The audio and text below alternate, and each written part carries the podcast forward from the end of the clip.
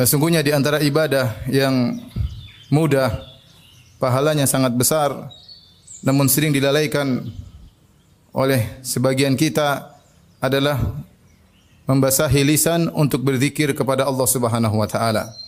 Nabi sallallahu alaihi wasallam telah mewasiatkan kepada salah seorang sahabat, "La yazalu lisanuka ratban min dzikrillah." Hendaknya lisanmu selalu basah karena berzikir kepada Allah Subhanahu wa taala.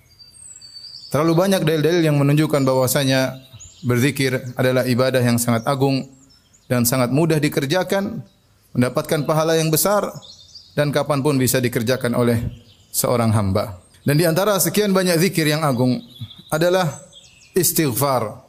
Beristighfar kepada Allah Subhanahu wa taala. Zikir dengan istighfar mendapat perhatian khusus dalam syariat. Karenanya Nabi SAW bersabda, Tuba liman wajada fi sahifatihi istighfaran kathira. Sungguh beruntung seorang yang di hari kiamat kelak mendapati catatan amalnya banyak istighfar.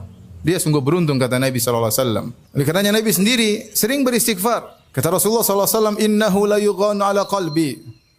Wa inni la astaghfirullah fil yaumi mi'ata marrah. Sungguhnya hatiku seakan-akan tertutup. Ada sesuatu yang menutupi Nabi hati Nabi sallallahu alaihi wasallam, yaitu ada sesuatu yang membuat hati Nabi tidak enak.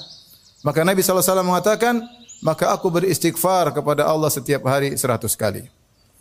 Dalam riwayat yang lain kata Nabi sallallahu alaihi wasallam, Ya ayyuhalladzina ya ya ayyuhal mu'minun tubu ila Allah wahai orang beriman, bertobatlah kepada Allah fa inni atubu ilaihi fil yaumi mi'ata marrah.